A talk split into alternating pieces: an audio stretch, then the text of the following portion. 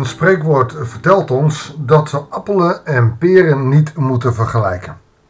Als je het hebt over appelen, dan moet je het hebben over appels. Eh, dan kan je vergelijken dat een uh, rode appel uh, en een groene appel een verschillende soort van smaak hebben, ander merk zijn, andere boom komen, maar het zijn allebei appels. Ze zijn allebei appelachtig. Ze hebben een klokhuis, ze hebben zaadjes, ze hebben vruchtvlees wat je kan eten. En hoewel een peer dat ook heeft, is een peer veel zachter van structuur, smaakt heel anders en zit anders in elkaar. Dus appelen en peren moet je niet vergelijken. Nou, daar moest ik ook aan denken toen ik dit gedeelte las. Want het gaat hier, waar we het gisteren over hadden, over de uitverkiezing. Alleen bij Paulus gaat het niet over de uitverkiezing van de mens. Nee, het gaat hier over zijn vrijheid in keuze. Of hij ook buiten het Joodse volk anderen wil uitkiezen. En Paulus zegt dat is toch zijn eigen wil.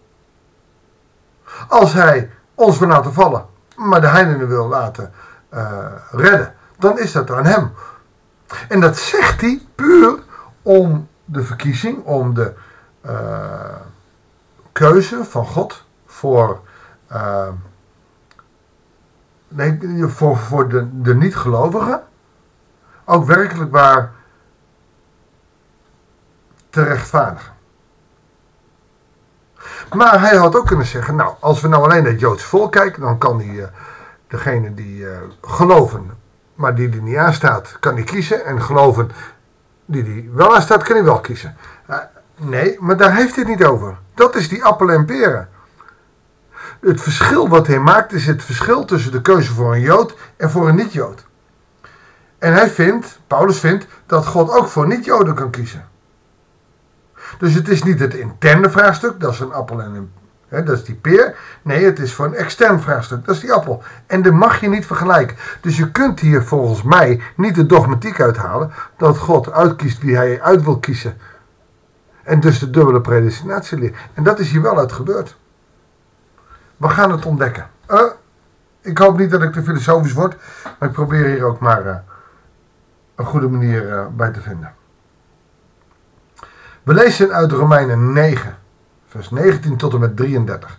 Overigens, de hoofdstukken 9 en 10 staan ontzettend in het belang van de theologie en zijn de moeilijkste hoofdstukken uit heel Romeinenbrief. We hebben gehoord gisteren dat God barmhartig is voor wie hij wil en maakt halstarrig wie hij wil. Oftewel, dat is aan God. Of hij het doet, is een tweede. Dus Maar nu zult u vragen, waarom roept God ons dan nog ter verantwoording? Niemand gaat toch tegen zijn wil in? Wie bent u eigenlijk dat u een mens iets tegen God zou inbrengen? Dit is een kritische, edoch cynische vraag. Want in het Oude Testament wordt God twee of drie keer verbeden. Dat wil zeggen, Mozes zegt, hé, maar God, u heeft beloofd dat. U zou het volk niet meer vernietigen. Oh nee, daarin heb je gelijk. God laat zich verbidden door de mens. Dus als hij zegt, wie bent u eigenlijk een mens iets tegen God zou inbrengen? Nou, dan zou je kunnen zeggen, wij zijn bijna goddelijk gemaakt en God wil met ons in relatie staan en hij laat zich wel degelijk verbidden. Ook daarin maakt hij de keuze of hij het wil of niet. Maar bij Mozes laat hij zich verbidden. Dus het kan. Het is dus een retorische vraag waar hij op zou moeten antwoorden. Alleen hij gaat nog wel even verder. Vraagt het aardewerk soms aan de pottenbakker: waarom hebt u gemaakt zoals ik eruit zie? Heeft de pottenbakker niet de vrijheid om van dezelfde klomp klei zowel een kostbare vaas als een alledaagse pot te maken? Die vrijheid heeft hij. Alleen de vraag is of hij die vrijheid genomen heeft. Heel filosofisch zou je kunnen zeggen, uh, wat wij een alledaagse pot vinden, vindt God misschien wel een bijzondere vaas. En andersom. Dus het is ook een kwestie van perspectief. God heeft degene die het voorwerp van zijn toorn zijn en die hij heeft bestemd voor de ondergang met veel geduld verdragen. Dat is het Joodse volk. Omdat hij zijn toorn ook wil tonen en zijn macht kenbaar wil maken. Dus God heeft degene die het voor van zijn toorn zijn, die hij bestemd heeft voor de ondergang, met veel geduld verdragen, omdat zijn toorn ook uh, wil tonen aan de macht. Dit kan ook zijn aan de niet-gelovigen, die eerst de vijanden waren, maar dat hij vol geduld nu ook zijn macht kenbaar wil maken over de niet-gelovigen.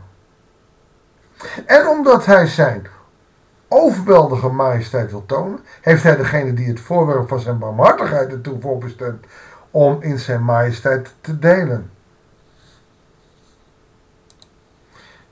Heeft hij ook geroepen? Hen heeft hij ook geroepen. Dit is dus de Goyim, dat zijn de. Nee, dit is niet de Goyim, dat zijn de heidenen. Hen heeft hij ook geroepen. Dat betekent dus dat de roeping voor ons allemaal is en niet alleen voor de Joden.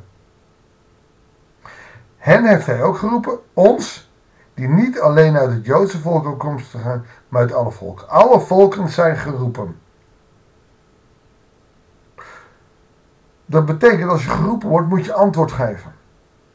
Dat is wat anders dan uitverkiezing. Want als er hier had gestaan, hij heeft iedereen uitverkozen en doet met ieder wat hij wil, dan was dat die predestinatie Nee, hij heeft iedereen geroepen. En iedereen mag het antwoord geven. Zoals ook bij Hosea staat geschreven. Wat mijn volk niet was, zal ik mijn volk noemen. Wie mijn geliefde niet was, zal ik mijn geliefde noemen. Dus mensen uit de heidenen geboren, dat zijn jij en ik, de christenen. Niet van het Joodse volk afkomstig.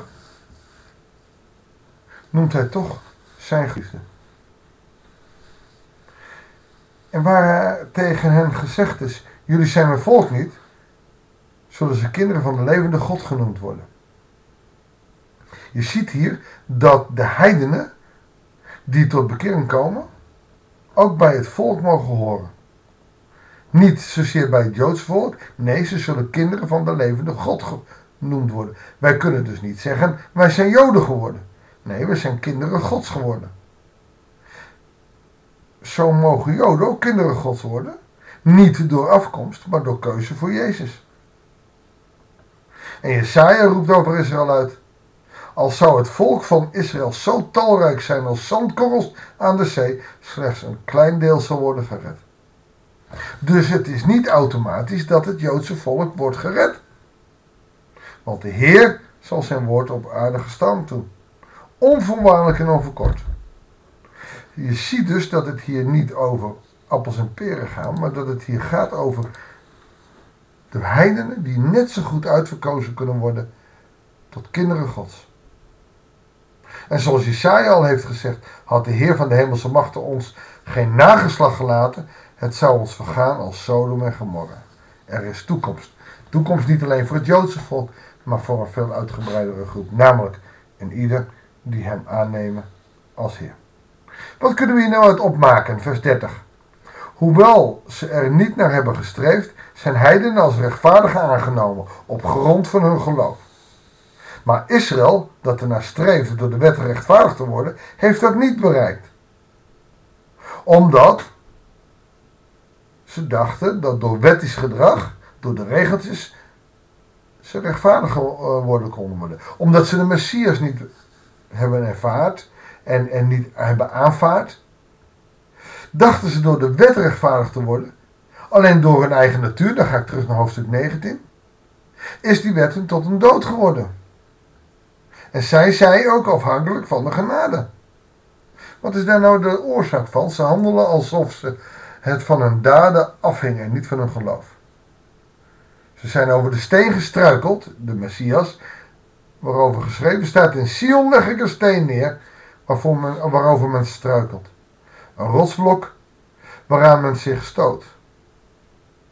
Maar wie in hem gelooft, komt niet bedrogen uit. Dus voor Jood en voor niet-Jood geldt. Wie in hem gelooft, komt niet bedrogen uit.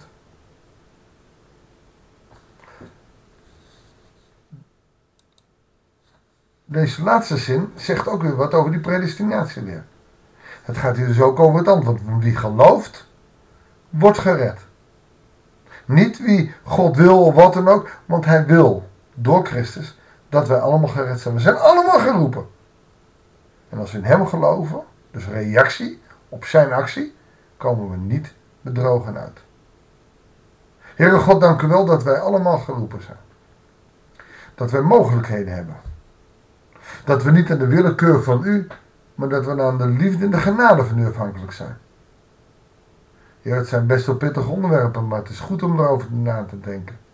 Ja, en de conclusie is dat wij afhankelijk zijn van een liefdevolle en genadige God. Die ons heeft uitgekozen, die ons heeft geroepen. En wij mogen daar antwoord te geven door te geloven. Heer, u bent een wonderbaarlijke, grootse, grote en geweldige God. Dank u wel voor wie u bent. Dat bidden wij en danken wij u in Jezus' naam. Amen. Dank u wel voor het luisteren. Ik wens je God zegen en heel graag tot het volgende uitzending van het Bijbelsdagboek.